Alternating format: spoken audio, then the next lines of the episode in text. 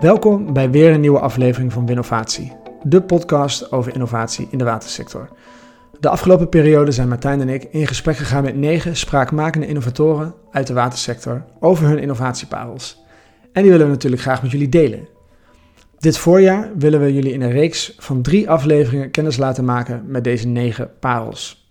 In onze aflevering van vandaag gaan we in gesprek met Bjorn Prudon over de slimme vislift, spreken we met Niels Schoffelen over een scala aan toepassingen van eDNA en duiken we met Nico Maat in de wereld van de digitale pijlstok. Maar we beginnen vandaag in deze aflevering met Bjorn Prudon. Hij is al geruime tijd bezig met het ontwikkelen en toepassen van de slimme vislift. Hiermee won Waterschap Rivierenland de Waterinnovatieprijs in 2019. Bjorn is ontzettend trots dat op steeds meer plekken in het land slimme visliften liggen. Hij noemt zichzelf die UFO's. Naast het zorgen voor een soepele vismigratie zijn er door de combinatie met kunstmatige intelligentie talloze andere toepassingen die ook vandaag aan bod komen. Maar toch, aldus Bjorn, blijft het een uitdaging om de organisatie hierin mee te krijgen. Enfin, luister nu naar Bjorn. Veel luisterplezier. Nou, goedemiddag Bjorn en uh, welkom bij onze Winnovatie podcast. Leuk dat je er bent. Dankjewel, zeker. Misschien om te beginnen, Bjorn, kun je iets vertellen over wie jij bent en, en hoe, jouw, hoe jouw werkdag als innovator eruit ziet? nou, heel simpel. Ik, ik ben Bjorn, ik werk bij Waterschap Rivierenland. En uh, ik, ik mag daar uh, een hele hoop uh, mooie projecten doen die we allemaal samenvatten onder de noemer innovatie. En dat gaat eigenlijk over de volledige breedte van onze taakstellingen en, en stiekem natuurlijk ook een beetje erbuiten. we gaan het vandaag hebben over de vislift. Ook een, ja. de winnaar van de innovatieprijs in 2019. Ook even goed om erbij te zeggen. Um, kun jij vertellen voor onze luisteraars, wat, is, wat, wat doet een vislift precies? Hoe werkt dat? Uh, vislift doet eigenlijk hetzelfde als de oud bekende vistrappen, hè, die we allemaal als waterschappen aanleggen om de visstand uh, nou ja, te verbeteren. Een van onze doelstellingen, taakstellingen. Misschien, misschien kun je voor de luisteraar die, die, die nog niet is ingevoerd in deze materie, kun je ook uitleggen wat een vistrap is? In Nederland hebben we uh, wateren, hè, sloten, kanalen. En om wateren, die hebben we een bepaald niveau om de landbouw te bedienen of natuur te bedienen. Uh, en verschillende landbouw en natuur hebben verschillend waterniveau nodig. En daarvoor hebben we allemaal stuwen en gemalen in ons gebied staan.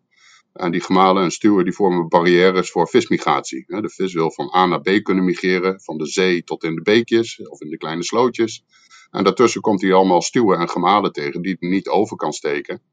En om die barrièrewerking van die kunstwerken, zoals we die noemen, op te heffen, leggen we vistrappen aan.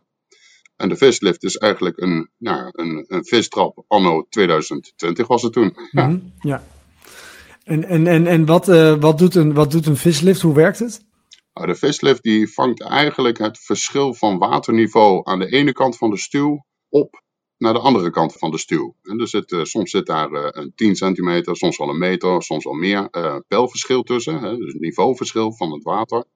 Normaal houdt een stuw dat tegen. En zo'n vislift die gradeert eigenlijk dat verschil in kleine stapjes, zodat die vissen die kleine stapjes kunnen overzwemmen. En waarmee verschilt hij dan van een vis, uh, vistrap? Nou, er zijn een hele hoop grotere verschillen. Mm, ja, ja. maar een van de belangrijkste is, uh, nou ja, visueel. Mensen zijn heel visueel. Dus een, een gewone vistrap, uh, die lag eigenlijk naast de stuw. Dat was een grote, lange betonnen bak. Mm -hmm. En wat we eigenlijk met de vislift hebben gedaan, is hetzelfde als een, het slakkenhuisje. Is we hebben die hele grote, lange betonnen bak eigenlijk in een, een krul gelegd. Hè, zoals een slakkenhuisje ook werkt.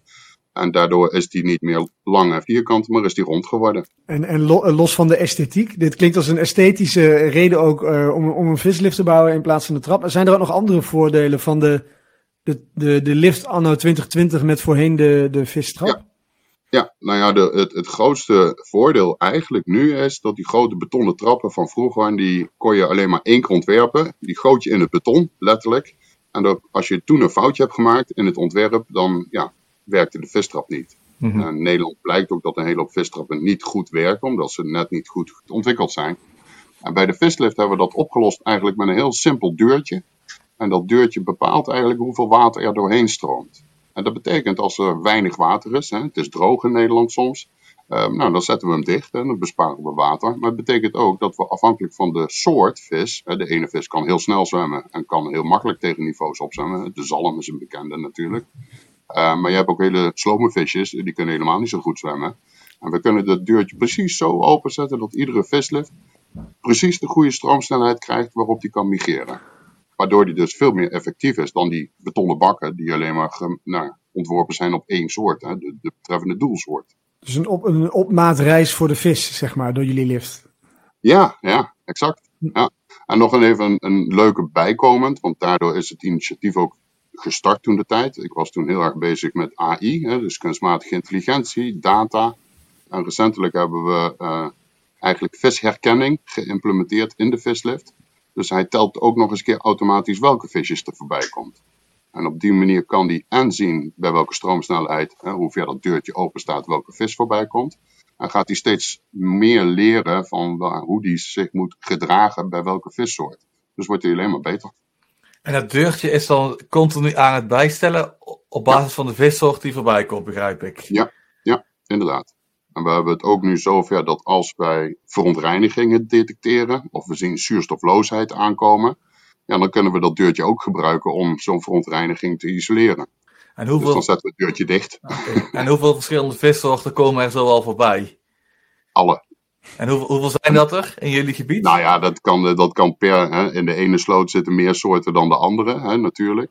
Uh, maar wat we met de vislift in ieder geval al hebben gezien, is dat we soorten voorbij zien komen die we zelf nog niet eens eens wisten dat ze er zaten. Ja, ja. En dan heb je het niet alleen over vissoorten, maar we hebben ook de bever er doorheen zien zwemmen, een aalscholver er doorheen zien zwemmen, die okay. op jacht was in de vislift. dus het, uh, en dat is het leuk, omdat je nu met je data eigenlijk 24 uur per dag uh, kun je zien wat er gebeurt. Dus je ziet veel meer dan dat je één keer nou ja, met een netje langskomt of met een hengel langs loopt. En hoeveel visliften hebben jullie nu al, Björn, in jullie gebied? Nou, we hebben er op dit moment hebben we op 11 locaties uh, visliften. En we hebben de vislift modulair gemaakt. Hè. Dat betekent dat hij dus een, een 70 centimeter kan overbruggen hè, van dat pijlverschil waar uh -huh. ik het eerder over had. Dus op sommige locaties hebben we er nu twee of drie achter elkaar liggen, omdat daar gewoon het niveauverschil hoger is. Dus uh, nou ja, ik denk dat we onder de bij de 15 visliften hebben nu bij ons in het uh, waterschap.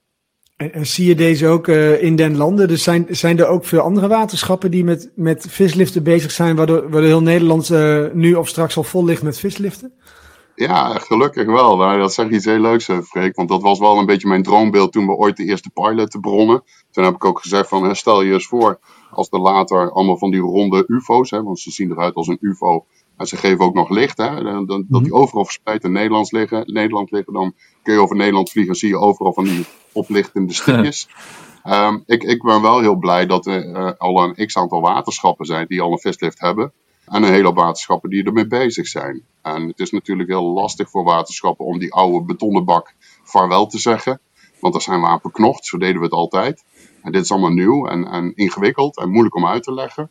Uh, maar ja, de, de, het bewijs is, is er inmiddels dat die visliften echt heel goed werken. Uh, een stuk minder duur zijn. Uh, en, en je hebt er veel meer lol aan, want je kan een hele hoop leuke dingen gaan doen met die data. En niet alleen de vismensen, maar ook de, de chemische mensen, hè, dus de mensen die waterkwaliteit volgen. Uh, dus je kunt er op een hele hoop manieren nou, iets, iets heel moois maken van die vislift. En, en voor waterschappers die luisteren zeggen, nou Bjorn, doe mij ook zo'n vislift. Hè? Wat, wat komt er zo al bij kijken om dit van de grond te krijgen? Kun je daar, kun je daar ons in meenemen? Nou, de, de belangrijkste stap om het van de grond te krijgen, hè, want kijk, een pilot kan iedereen, hè, dat is heel simpel. Ik als innovatieman uh, mag, uh, mag behoorlijk wat pilots uh, ondernemen en die mogen mislukken en dan is het nog steeds goed. Het belangrijkste om het van de grond te krijgen is het eigenlijk het implementeren in de organisatie. Hè. Dus je hebt nou, lopende processen, lopende projecten. het is heel moeilijk om daar tussenin te komen, als het ware. Nu hebben we dat bij Rivierenland is dat gelukt. En nu kunnen we het ook uitrollen. Hè. Dan kun je er in één keer een stuk of 10, nou ja, 15 aanleggen. En dan bewijst het eigenlijk zichzelf. Hè. De techniek bewijst zichzelf. En het is nu vooral naar de andere waterschappen toe om nou ja, die, die, die bewezen techniek gewoon te ondersteunen. En te zeggen van, hè, jullie kunnen dit ook doen. En als dat eenmaal bij andere waterschappen ook loopt en die zien ook de voordelen ervan, ja, dan, dan loopt het als een, uh, als een vuurtje. Mm-hmm. Dan gaat het wel goed komen. Jij gaf ook aan uh, dat die kunstmatige intelligentie, die AI, die detecteert ook die vissen. Hoe goed is die AI eigenlijk al? Hoeveel uh, heeft die al een 100% detecteerbaarheid of hoe goed is dat? Nou, ik heb het ook pas net, net uh, voorbij zien komen. We zijn er al een jaar of twee geleden mee begonnen. Hè, om, om te zeggen van, hè, mm -hmm. het niet zijn af. Uh, en zover ik het nu kan beoordelen, kan die gewoon nu op uh, individuele vis soort herkennen. Um, en het leuke daarvan is ook dat die AI inmiddels heeft geleerd dat hij ook een gedeelte van de vis nodig heeft om hem tot op soortniveau te brengen. He, dus ik ben vroeger als ecoloog ook nog aan de slag geweest. Dan moest ik echt schupjes stellen hè, om, om te weten welke soort het was. Mm -hmm. Dan had je ook echt het hele visje nodig. en uh, ik vind het wel leuk om te zien dat de AI in ieder geval mijn kennis al overtroffen heeft, want die heeft maar een halve vis nodig. Ja, ja. En weet je ook hoe dat dan dat algoritme is aangeleerd? Want vaak heb je heel veel trainingsdata nodig. Ja. Van uh, dit is een uh, ja. deze vis, dit ja. is deze vis. Hoe is dat gegaan? Weet je het toevallig? Nee, weet ik niet helemaal. Maar de, de, nou ja, in algemene termen gaat het inderdaad zo. Hè? Dus je biedt een hele hoop projecties aan van vissoorten waarvan je zeker weet dat het die bepaalde soort is. En, en die geef je een hele hoop vormen. Hè? Dus van, van het neusje tot aan het staartje en het vinnetje. En op een gegeven moment gaat hij inderdaad uh, die, die verbanden leggen tussen, nou ja, dit vinnetje, dat hoort bij die soort, want die heb ik al duizend keer gezien. Uh, mm -hmm. um, en dat is gewoon een kwestie van trainen. En daar zijn ze heel druk mee geweest. En nou, het is heel leuk om te zien hoe ze dat nu al hebben toegepast.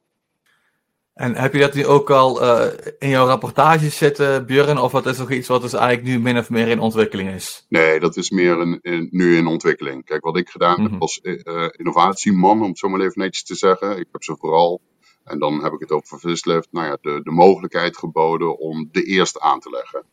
En met die eerste hebben we ook gezegd van, nou ja, er zijn nog een hele hoop ontwikkelingskansen. Maar op een gegeven moment moet je gewoon maar uh, de eerste gaan aanleggen om te zien of het überhaupt werkt. Ja. En toen was ook nog heel hoop onzeker over hoe het hydraulisch zou functioneren en wat de AI-mogelijkheden en kansen waren. Uh, maar dat perspectief hebben we altijd in beeld gehad. En je ziet nu, nou die zeg maar, Vislift de eerste heeft neergelegd en daarna, daarna de volgende. Ja, dan kun je als bedrijf uh, kun je ook uh, dit soort stappen gaan zetten. En dat vind ik ook wel een belangrijke rol van de overheid en mij als persoon, als innovatieman is om ook in vertrouwen met dit soort bedrijven aan de slag te gaan. En ze ook de kans te geven om uh, deze ontwikkeling zeg maar, in, gang te gaan zetten. En vaak komen ze niet eens um, van de grond af. Of ze hebben één pilot en daarna wordt het zeg maar, weer uh, nou ja, afgedaan. Hè. Dan zijn we er klaar mee. Was leuk. We hebben het lintje geknipt en de foto gemaakt. maar het is juist de bedoeling om dit soort bedrijven een, een, een stuk verder te helpen. Ja, dus je hebt ook de ruimte gecreëerd, zeg maar, om binnen Rivierenland de eerste vislift aan te leggen. Ik kan me ook voorstellen dat je dan heel veel ijsberen onderweg bent tegengekomen.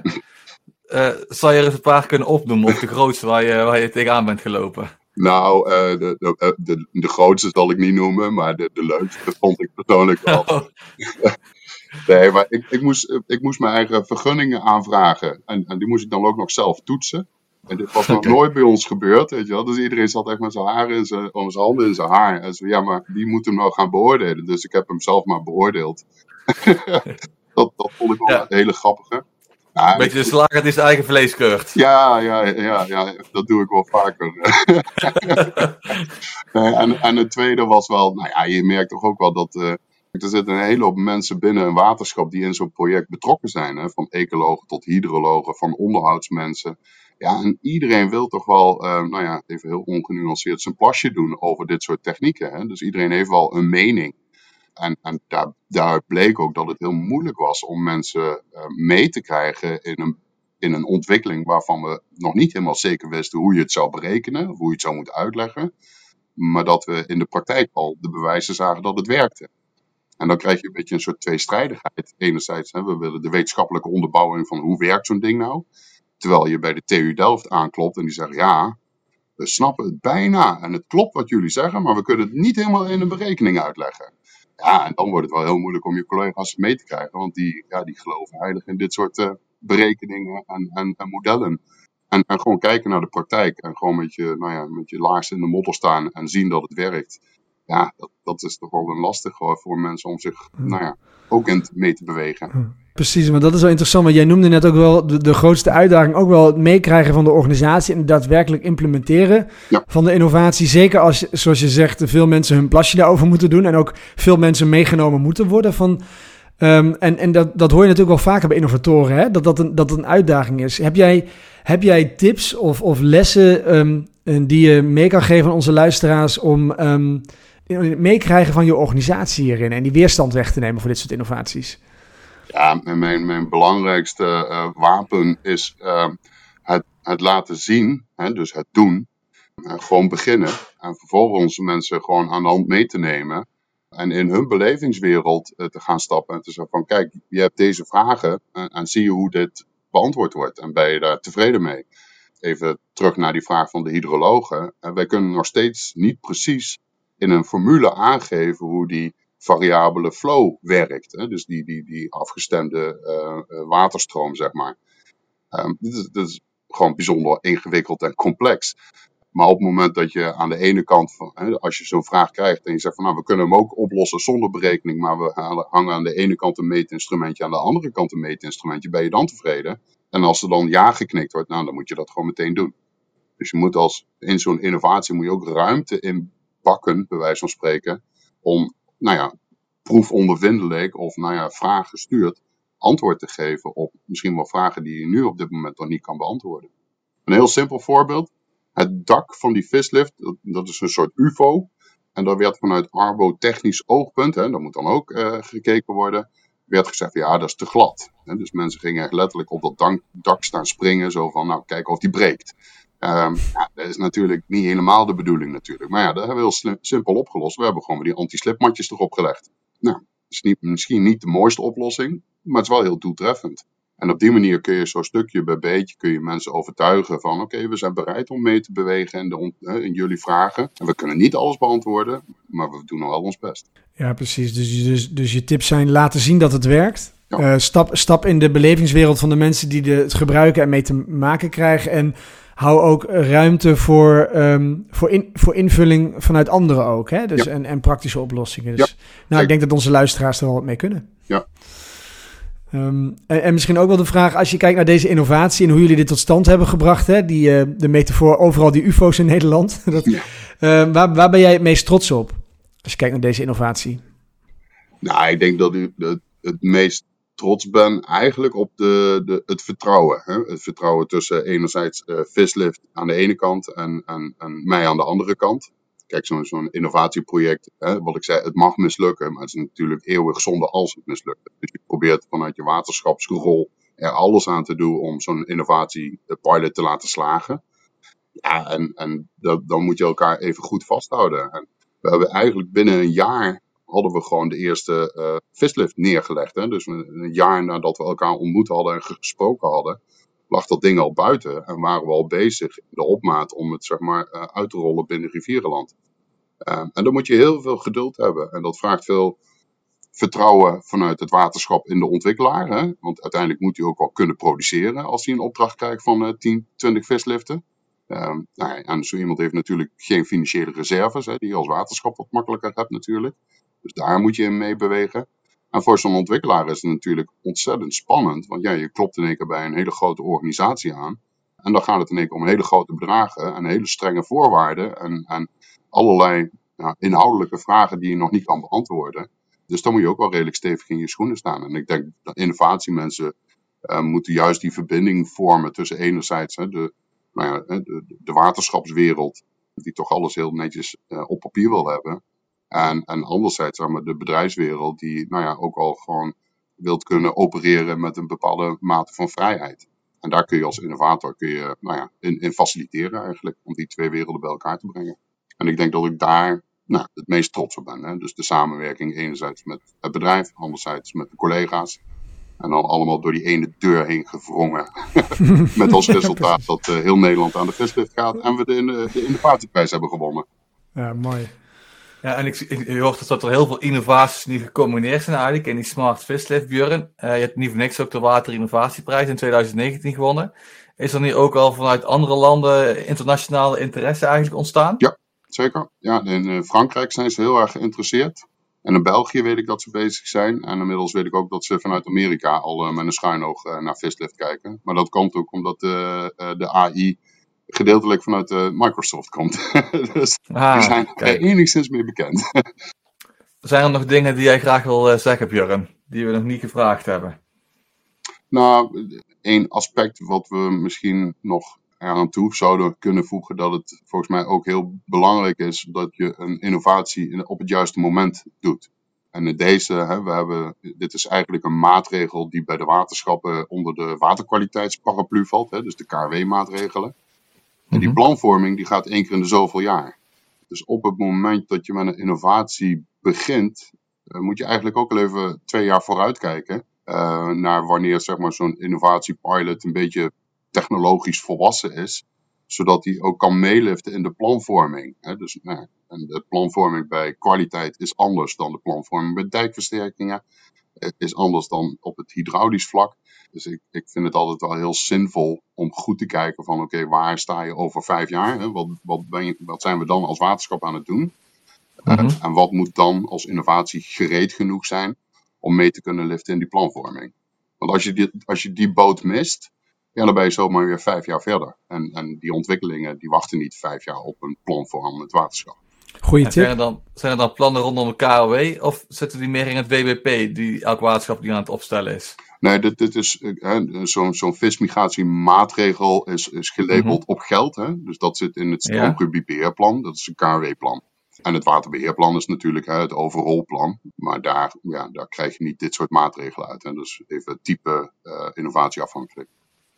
Een mooie innovatie, Björn. En, en dank ook voor je aanwezigheid vandaag in onze podcast. Leuk dat je er was. Dankjewel. Hartstikke graag gedaan. Leuk, eh, leuk om het te doen. Dit was alweer ons gesprek met Bjorn Predon over de slimme vislift. Time eh, flies by when you're having fun. Mooi om te horen hoe deze innovatie zijn vlucht heeft genomen in de watersector. Het volgende gesprek is met onze gast Niels Schoffelen. Niels werkt voor Royal Haskoning en houdt zich bezig met verschillende toepassingen van DNA in het bepalen van de waterkwaliteit en biodiversiteit. DNA-profielen geven snel en eenvoudig antwoorden op de vele vragen die wij als waterschappen hebben over ons water. We kijken nu nog door een sleutelgat, maar we openen hiermee wellicht de deur, aldus Niels. Luister nu naar ons gesprek met Niels en leer meer over DNA. Niels, welkom eh, vandaag in onze Winnovatie de podcast. Leuk dat je er bent. Ja, bedankt je wel. Bedankt eh, voor de uitnodiging. En, en kun je ons eerst meenemen in wie jij eigenlijk bent, Niels? En wat jij doet in de watersector? Eh, ja, nou, ik werk bij een onafhankelijk adviesbureau Royal Haskoning DFV, eh, die de waterschappen en de landelijke overheid helpt met eh, het beantwoorden van vraagstukken rond waterkwaliteit. En hierbij zetten we dus nieuwe monitoringstechnieken op en nieuwe monitoringsnetwerken en helpen we ook met het duiden van deze gegevens. Ja, wat betekent dat nou voor de Nederlandse waterkwaliteit en hoe gaan we daarmee vooruit? Interessant, lijkt me interessant werk, eh, Niels. Ehm, en we gaan het vandaag hebben over iDNA. Nou, dan zeg ik het eDNA. Kan ik dat ook zeggen? Op zijn Nederlands. Ja, kun, je, kun je ons meenemen wat dat, wat dat precies is, eDNA? Nou, ik geef vaak altijd die eerste tip, knip die E ervan af. Die, eh. Zeg gewoon DNA, want het is niet eh, dat eDNA nou anders is dan andere DNA-technieken. En wat denk ik misschien belangrijk is om even te vertellen, is dat eDNA of DNA-technieken zijn niet één methode voor één specifiek probleem, voor één antwoord, maar is eigenlijk een gereedschapskist eh, voor verschillende problemen op te lossen en ook verschillende vragen te kunnen onderzoeken.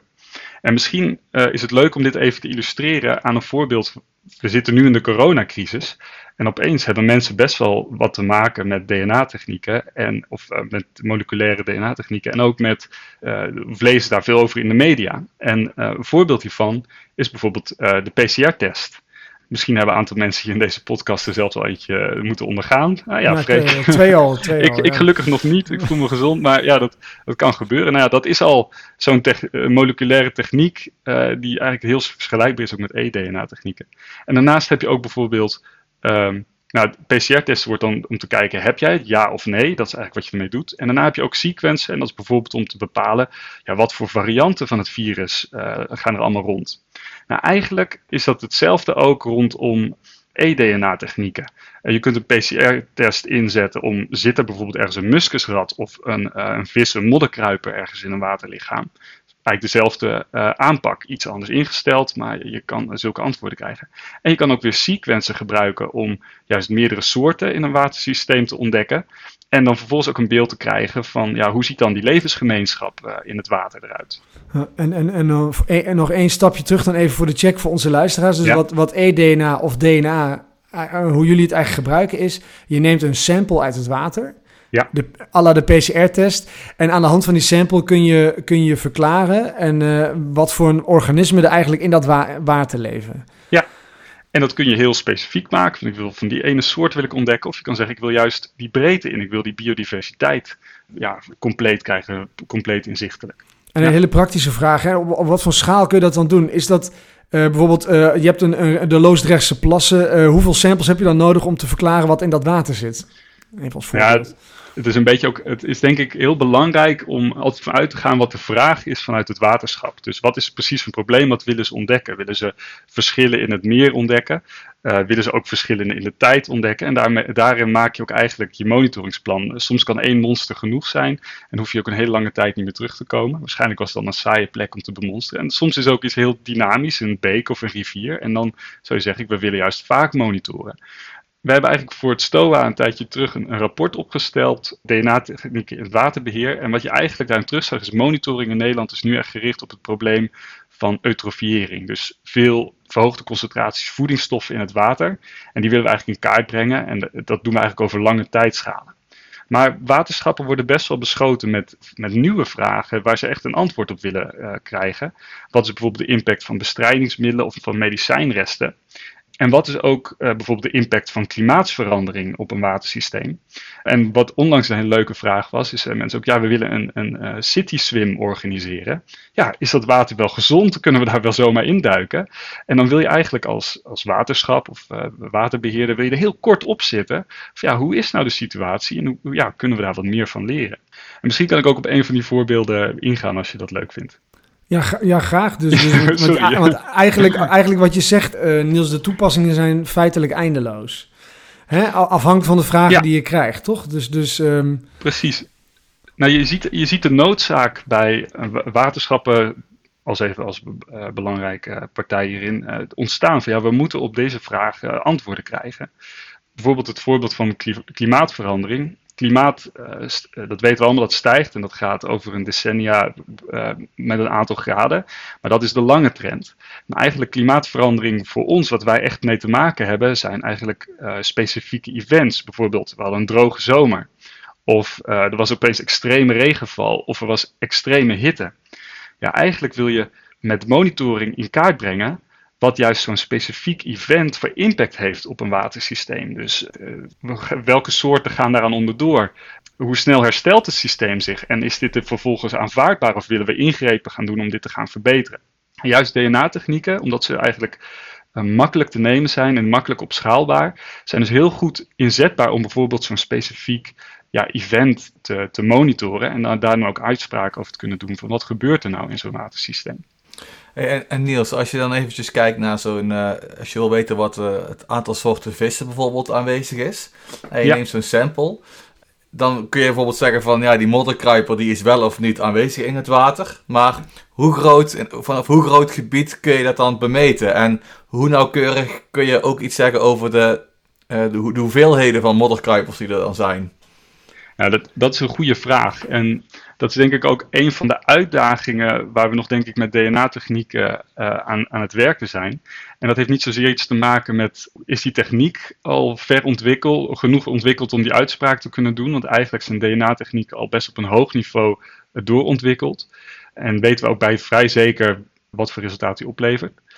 Wat eigenlijk tussen de oren even moet gebeuren, is dat DNA-analyses geven een totaal ander formaat aan informatie dan standaard monitoring. Dus uh, standaard monitoring, iemand gaat zeg maar even gechargeerd uh, met een schepnet op pad en zegt van nou zoveel vissen zit hier en die telt het aantal individuen.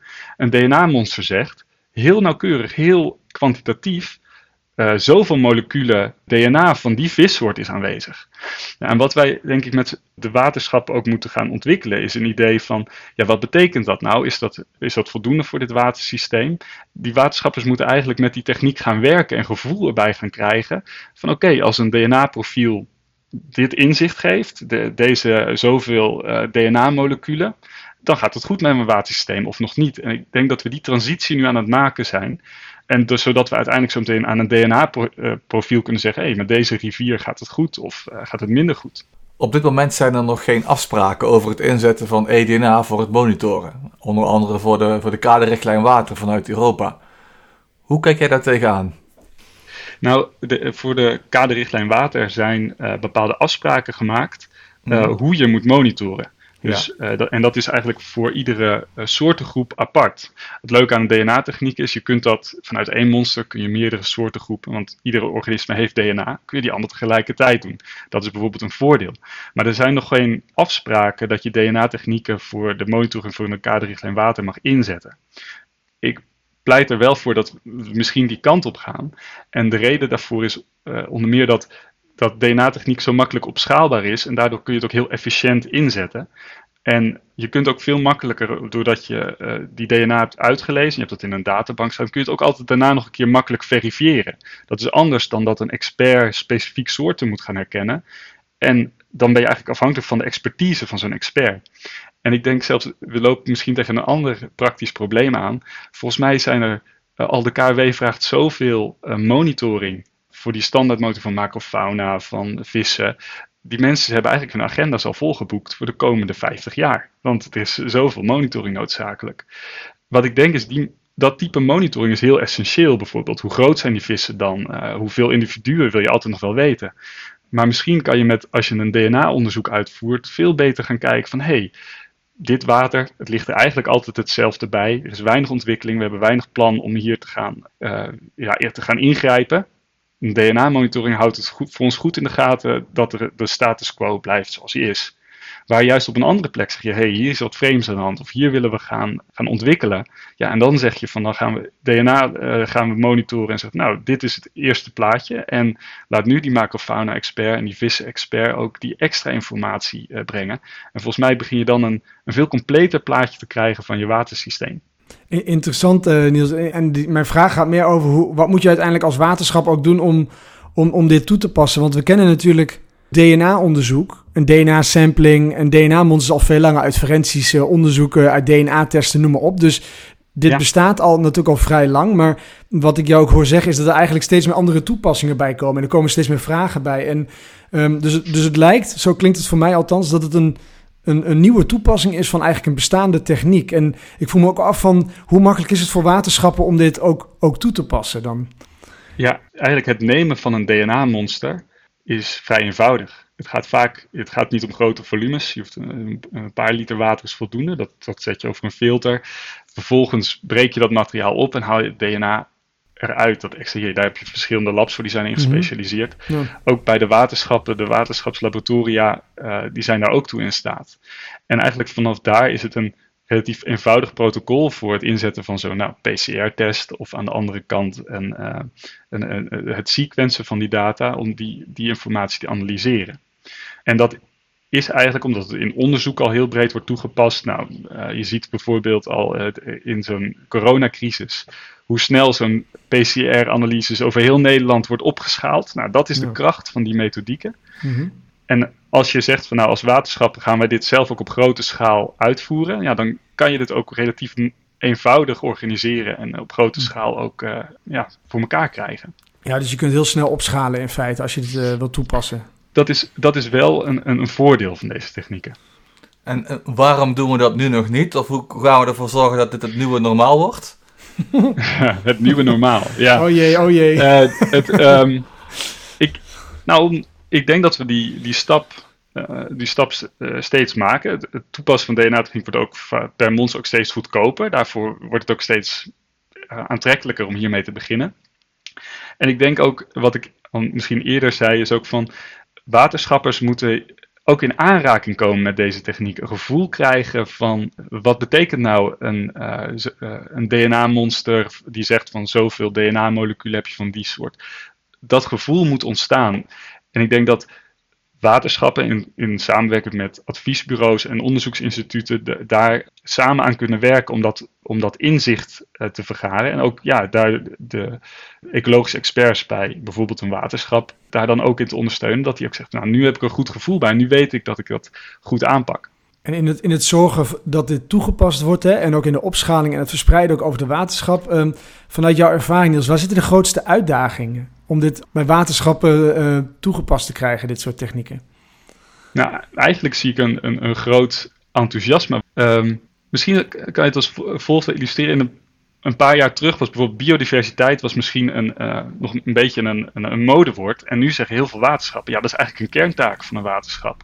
Hmm. Wij moeten gewoon zorgen dat in onze wateren, los van de kaderrichtlijn water, dat we ook gewoon de biodiversiteit optimaliseren. En uh, die ambitie, die laat eigenlijk uh, zien dat je ook zegt van nou, dan moeten we daar ook op kunnen monitoren op die complete biodiversiteit. En dan zeggen ze, hé, hey, dan komt opeens zo'n DNA-techniek die past daar heel goed op, want die geeft die brede, brede scope. Misschien even om een, een praktisch voorbeeld daarbij te geven. Waterschappen die investeren momenteel heel erg in hun afvalwaterzuiveringen. Om die te verbeteren om microverontreinigingen en ook zoals medicijnresten en bestrijdingsmiddelen uit het water te krijgen.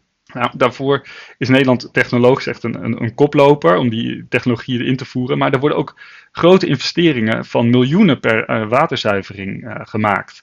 Nou, eigenlijk wil je dan zien als je een grote investering maakt, rendeert dat? Wat levert dat op voor ons watersysteem? Wat is eigenlijk de ecologische verbetering? Nou, momenteel met de, met de standaardmonitoring kijken wij misschien door een, een, een sleutelgat van de biodiversiteit uh, die, in het water. En zeggen, nou, die paar soorten reageren die op, uh, op veranderingen van aanwezigheid van medicijnresten als we ze weghalen? Ja, misschien interesseert ze het helemaal niks, ze hebben weinig impact. Maar misschien een plaatje wat we nu nog niet in beeld hebben, bepaalde soorten die daar heel gevoelig voor zijn, ja, daar hebben we een wereld van verschil voor gemaakt. Die, uh, die hebben opeens veel betere leefomstandigheden. Nou, pas je een DNA-techniek toe, dan kijk je naar een veel breder perspectief van, het, uh, van de biodiversiteit, bijna compleet.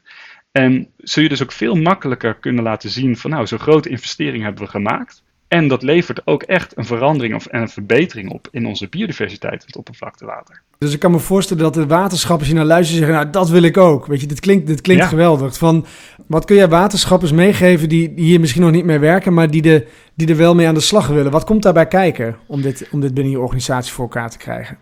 het is denk ik ook belangrijk om eerst te kijken van ja, wat is nou precies de, de vraag die je wil beantwoorden.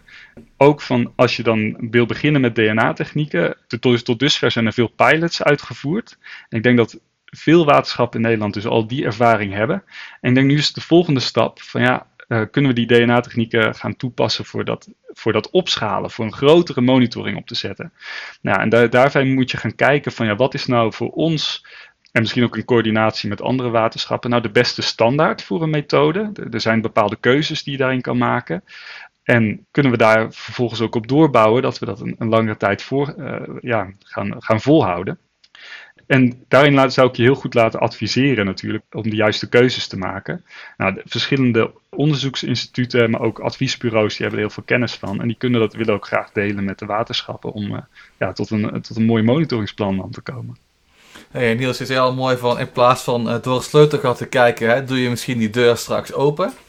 Ja. Um, maar um, uh, jij zei al van die, die testen die worden steeds goedkoper. Uh, zijn er nog meer ontwikkelingen op het gebied van eDNA? Dus waar staat eDNA over vijf jaar?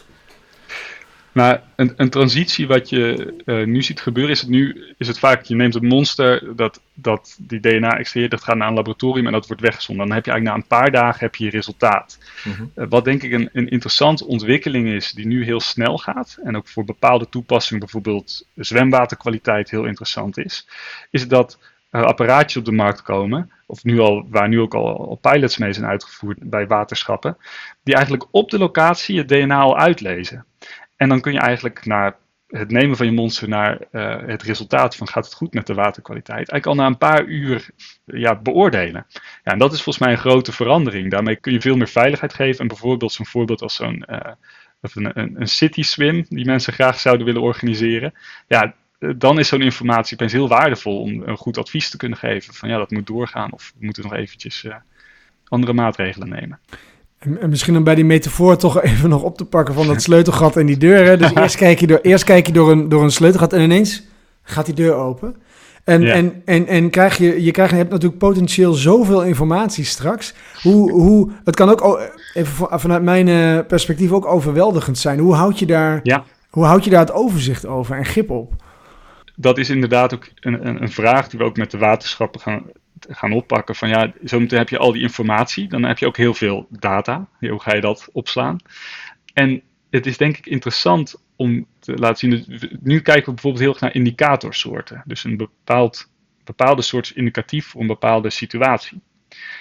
Maar je kunt ook op een hogere, uh, als je die, die deur zeg maar open hebt gemaakt, in plaats van sleutelgat die zegt ik heb het completere plaatje, kan je eigenlijk ook op een hoger abstractieniveau gaan zeggen van hé, hey, bijvoorbeeld eerst hadden we duizend soorten die hier voorkwamen, maar nu we de verbetering van het uh, effluent hebben verbeterd, hebben we 3000 verschillende soorten. Dat is een verbetering in de biodiversiteit. En dan is dat nog niet eens zozeer van gaat het om dat ene individu, maar wel die, die stap die je hebt gemaakt in, in biodiversiteitsverbetering, die kun je dan wel aantonen.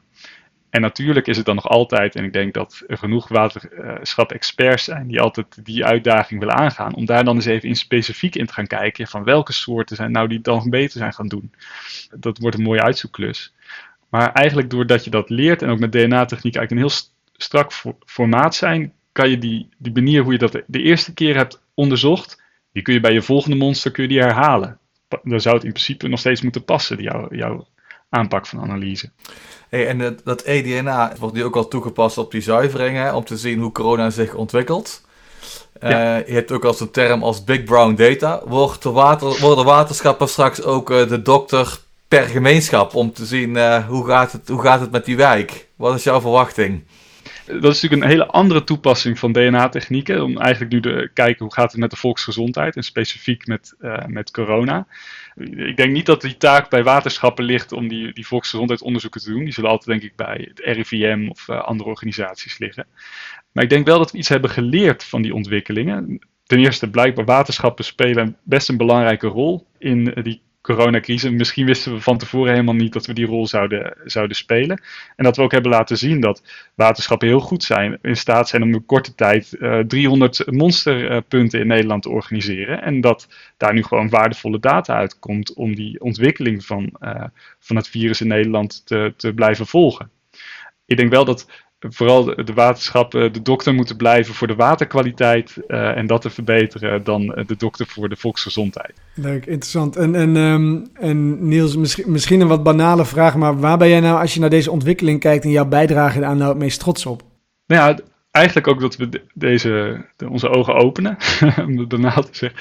Van ja, dat, dat, dat je toch ziet dat mensen verrast zijn. Oh, dit kan allemaal. En toch ook leuk om, om bezig te zijn met een innovatie waar je ook het, het, het enthousiasme terugkrijgt van hé, hey, die vraag kon ik nooit, eerst nooit beantwoorden, het was veel te kostbaar en nu lijkt, lijken er toch kansen en dat vind ik heel erg leuk. En ook wel te merken dat, dat we nu in, een, in een, misschien een tijdvak zitten waar uh, de ontwikkeling van biodiversiteit uh, en dat we da dat willen verbeteren in Nederland en, en daar goed mee willen omgaan, dat we daar ook op willen echt gaan inzetten, want dan moeten we het ook gaan monitoren en het ook voor elkaar krijgen. Ja, dat vind ik gewoon heel spannend om daar echt een bijdrage aan, aan te kunnen leveren.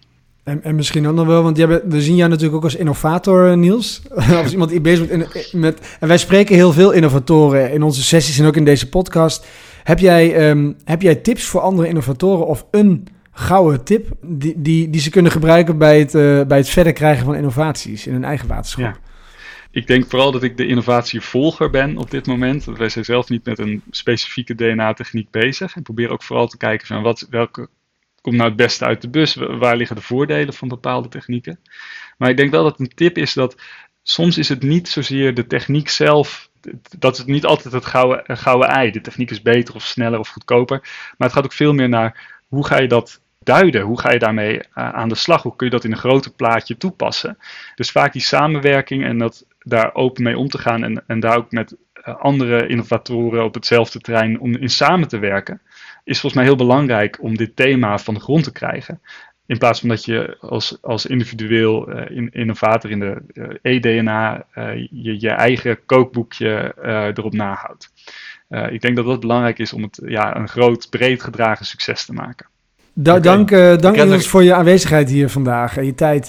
leuk dat je in onze podcast wilde zijn. Ja, ja superleuk. Dit is het einde van het gesprek met Niels over scala van toepassingen van DNA in het waterbeheer. Met een mooie afsluitende les. Het gouden ei is niet altijd de techniek, maar hoe slim je iets toepast in samenwerking met anderen. Mooie les. Het laatste gesprek van deze aflevering is met Nico Maat. Volgens zijn collega's de Willy Wortel van Waterschappen Vierenland. Interessante bijnaam. We gaan met hem in gesprek over de digitale pijlstok, ook wel bekend onder de werknaam Icon. Dit is een innovatief meetinstrument uit de wereld van het baggeren, waarmee we snel, objectief en digitaal baggervolumes in water gaan bepalen. Ook deze innovatie blijkt niet voor één gat te vangen en vindt zijn weg naar nieuwe toepassingen. Nou, uh, goedemorgen Nico op deze winterse maandagochtend. Welkom in onze Winnovatie-podcast. Um, kun, kun jij iets vertellen over wie, jij bent? Ja, dat kan ik zeker. Ja, jij zei al, uh, Nico. Uh, mijn naam is inderdaad Nico Maat. Ik werk bij Waterschap Rivierland. Ik werk bij de afdeling Weg- en Waterbouw. En ik hou me voornamelijk bezig met baggerwerkzaamheden. Oké. En, en wat, wat, wat betekent dat, baggeren? Ja, baggeren betekent eigenlijk de rommel weer opruimen die er iedere dag in, te, in die watergangen terechtkomt. Hè. We, we hebben in Rivierland meer dan 4000 kilometer watergang te onderhouden.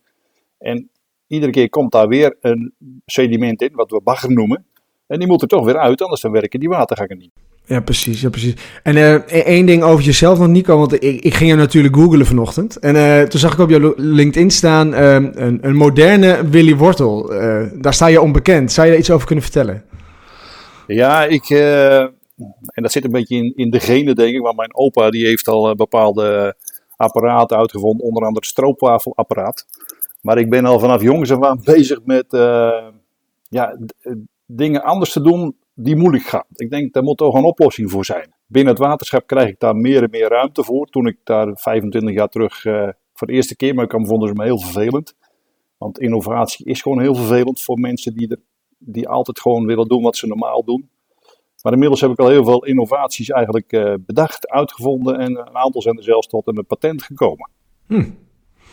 Ah, mooi. Dus het is eigenlijk met de paplepel al ingegoten bij jou, eh, Nico. In klopt, ja, klopt, mooi. Ja, klopt, ja. En, en, we gaan het vandaag hebben over de digitale pijlstok. Voor, voor, de mensen die misschien nog niet weten wat dat is, zou je kunnen vertellen wat dat is, een, een digitale pijlstok? Ja, en dat is uh, de digitale pijlstok, dat was eigenlijk een beetje de werknaam. Inmiddels heeft hij een, uh, een uh, de, de, echte naam zoals hij nu krijgt en heeft, is de Icon. Ah, klinkt wel hip. Die die, ja, is, is, is die ook eigenlijk? Ja, wat is het eigenlijk? Het is, een, uh, het is begonnen met het probleem wat zich bij het baggerwerken voordeed. En het probleem was dat we het volume niet goed kunnen bepalen. En eigenlijk is de Icon is een meetinstrument waarmee je de, de dichtheid, lees eigenlijk de sterkte van de bodem, meet, bepaalt. En dat doe je eigenlijk op een manier waardoor die objectief is. Het, wij, wij, wij, zijn nu met z'n drie in deze podcast. Wij kunnen het alle drie hetzelfde uh, resultaat mee bereiken. Terwijl de oude methode alle drie een verschillend resultaat oplevert. En hoe ging die oude methode dan, Nico? Ja, die oude methode, uh, dan heb ik het dan niet over de, de digitale methode zoals multibeam en singlebeam, maar gewoon met de pijlstok zoals die vaak nog gebruikt wordt. En ook vaak goed is zelfs. Dat is gewoon een man die op meestal een man, die uh, met een stok waar een punt aan zit of een plaatje aan zit, de bodem van de watergang probeert aan te prikken. En op dat punt vindt dat hij uh, de vaste bodem, of hoe hij dat ook omschrijft, heeft gevonden. Het punt is alleen, iedereen doet dat naar eer en geweten. Hij doet dat ook vaak wel goed. Alleen het is niet te vergelijken met iemand die het na hem komt doen. Ja, en vaak zie je toch dat er twee metingen plaatsvinden om het werkelijke volume vast te stellen. Nou, daar zit altijd een verschil in. En dan heb je uh, grote discussies over met degene die, uh, ja, de een vindt het veel, de andere vindt het nog veel meer. En hoeveel metingen doe je zo per jaar, Nico? Want je zegt dan, dan doe je zo'n volumemeting, of eigenlijk een soort hoogtemeting, denk ik. Ja, je kan het eigenlijk, nou, je zou het ook kunnen zien als een hoogtemeting, maar dan onder water. En die doe je onder zoveel meter? Of... Ja, ja. ja, we zijn met de ICON eigenlijk al een aantal jaren bezig. En in de tussentijd heeft het SIKB een richtlijn uitgebracht op, uh, en dat heeft al veel verbeteringen ook in de meetmethode toegebracht. Hoe je eigenlijk metingen moet uitvoeren. Onder andere wat voor intensiteit ze moeten hebben. Het hangt er een beetje vanaf wat voor soort baggerspecie en wat voor soort watergang je hebt. Maar om de 100 meter moet je wel vaak een profiel, een, dwarsdoorsnede van zo'n watergang maken. Dus ja, alleen, uh, reken maar uit, als je een paar honderd kilometer moet baggeren per jaar, dan heb je over, over duizenden profielen uiteindelijk. Hmm.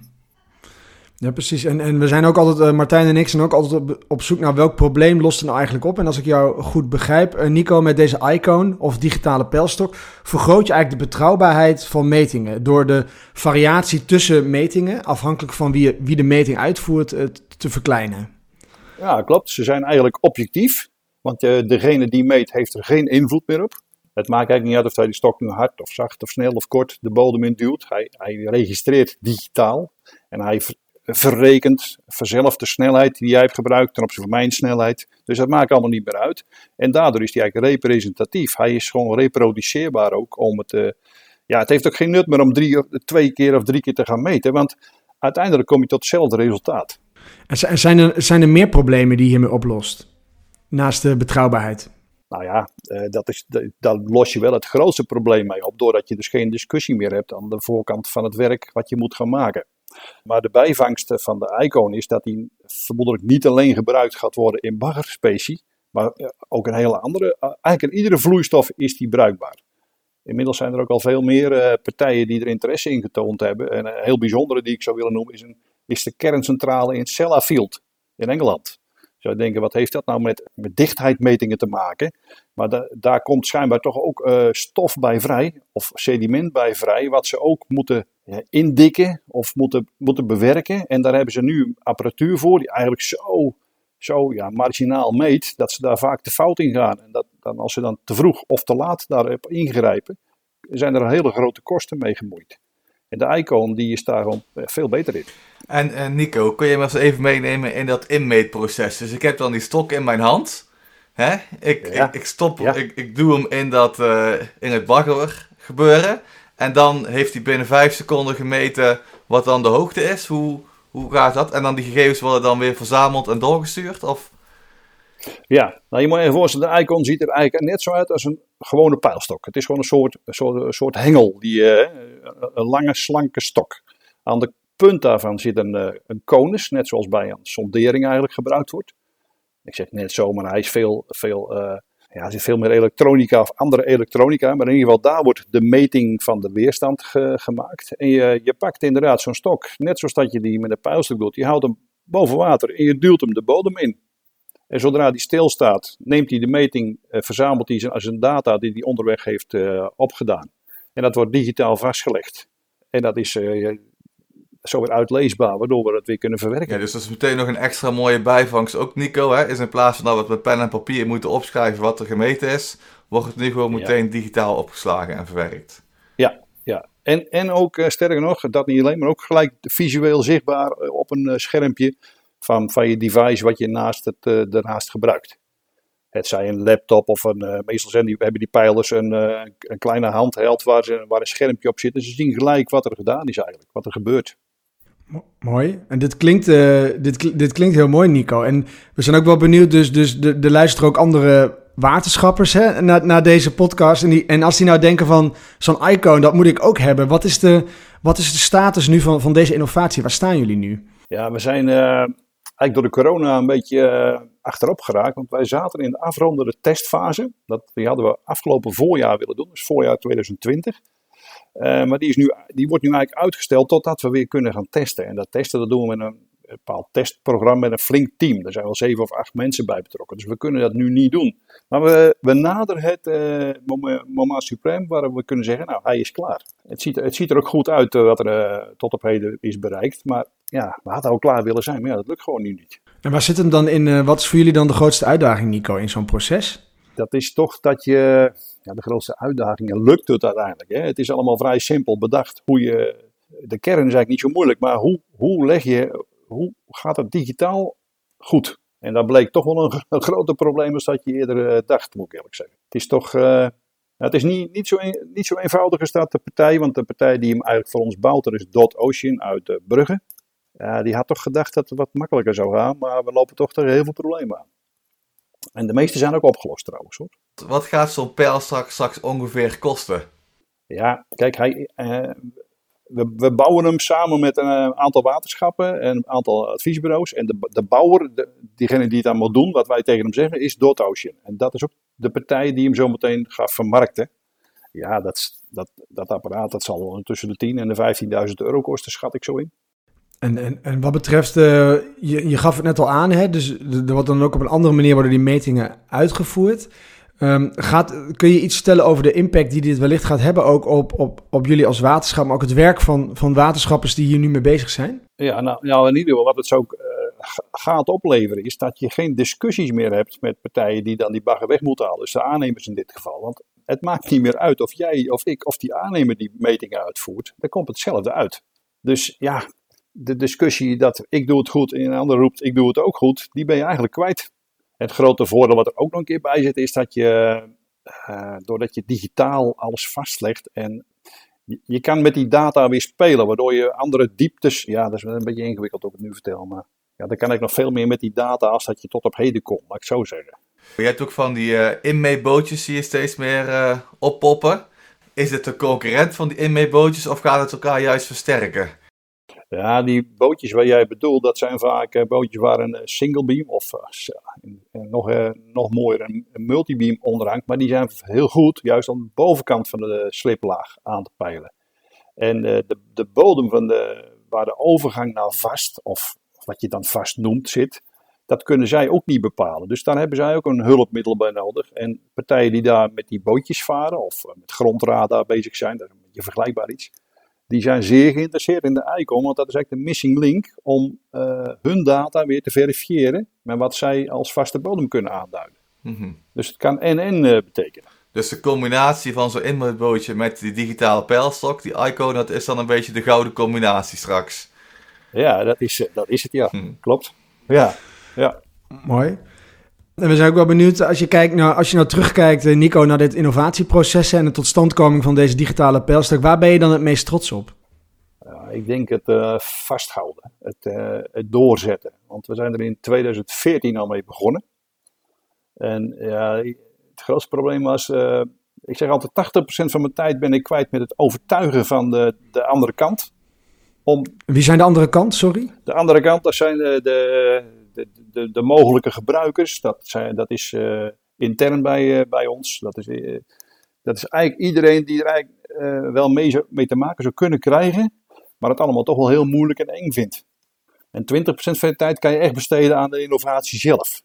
En dat, is, dat, is een, dat, dat heb ik al vaker meegemaakt, moet ik eerlijk zeggen. Als je met een innovatie komt, het kost je zoveel moeite om dat bij de ander te poneren dat hij begrijpt wat je bedoelt. En ook nog eens een keer aanneemt dat het beter werkt dan wat er nu is.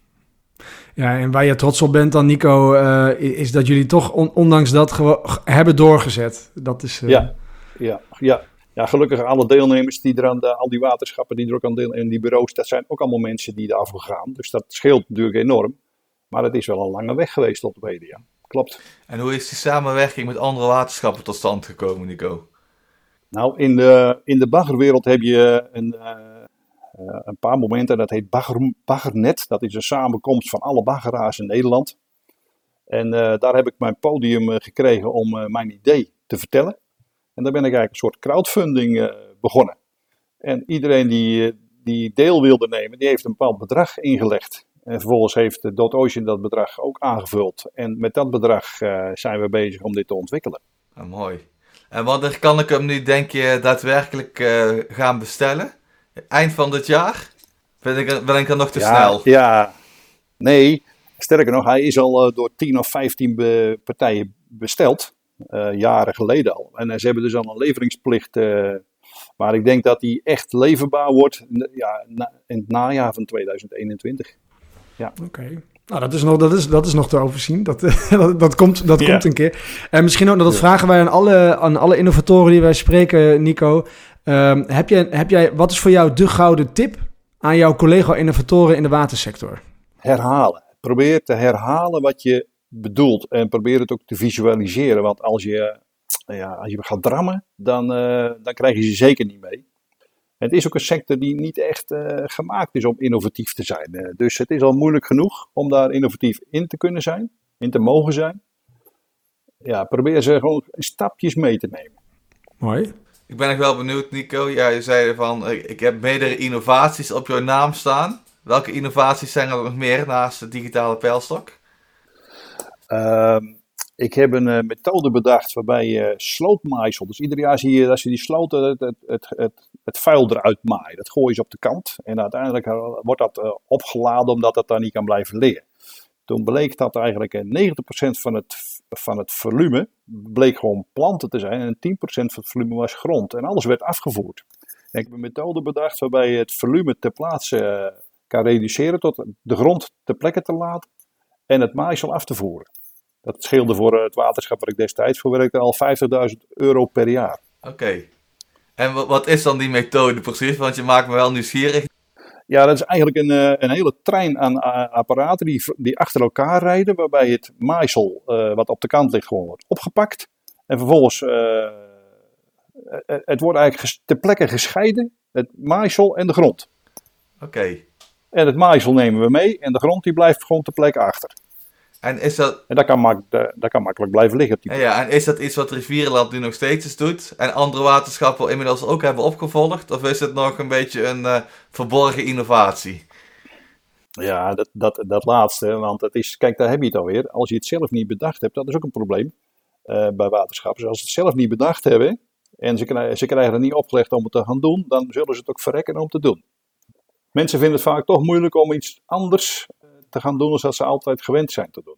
En ja, de, een andere innovatie, dat is de, de, de, grootste denk ik die ik wel gedaan heb, is, eh, dat is de bombox die ik uh, bedacht heb. En uh, je zal denken, wat is, dat, wat is dat nou weer? Maar dat is een, een uh, destijds moest ik de stadsgrachten in Tiel laten baggeren. En weten de meesten misschien niet, maar in Tiel is enorm gevochten in de Tweede Wereldoorlog. Net op het moment dat de Amerikanen en de Engelsen eraan kwamen en de Duitsers nog hier zaten, is Tiel eigenlijk helemaal in puin geschoten.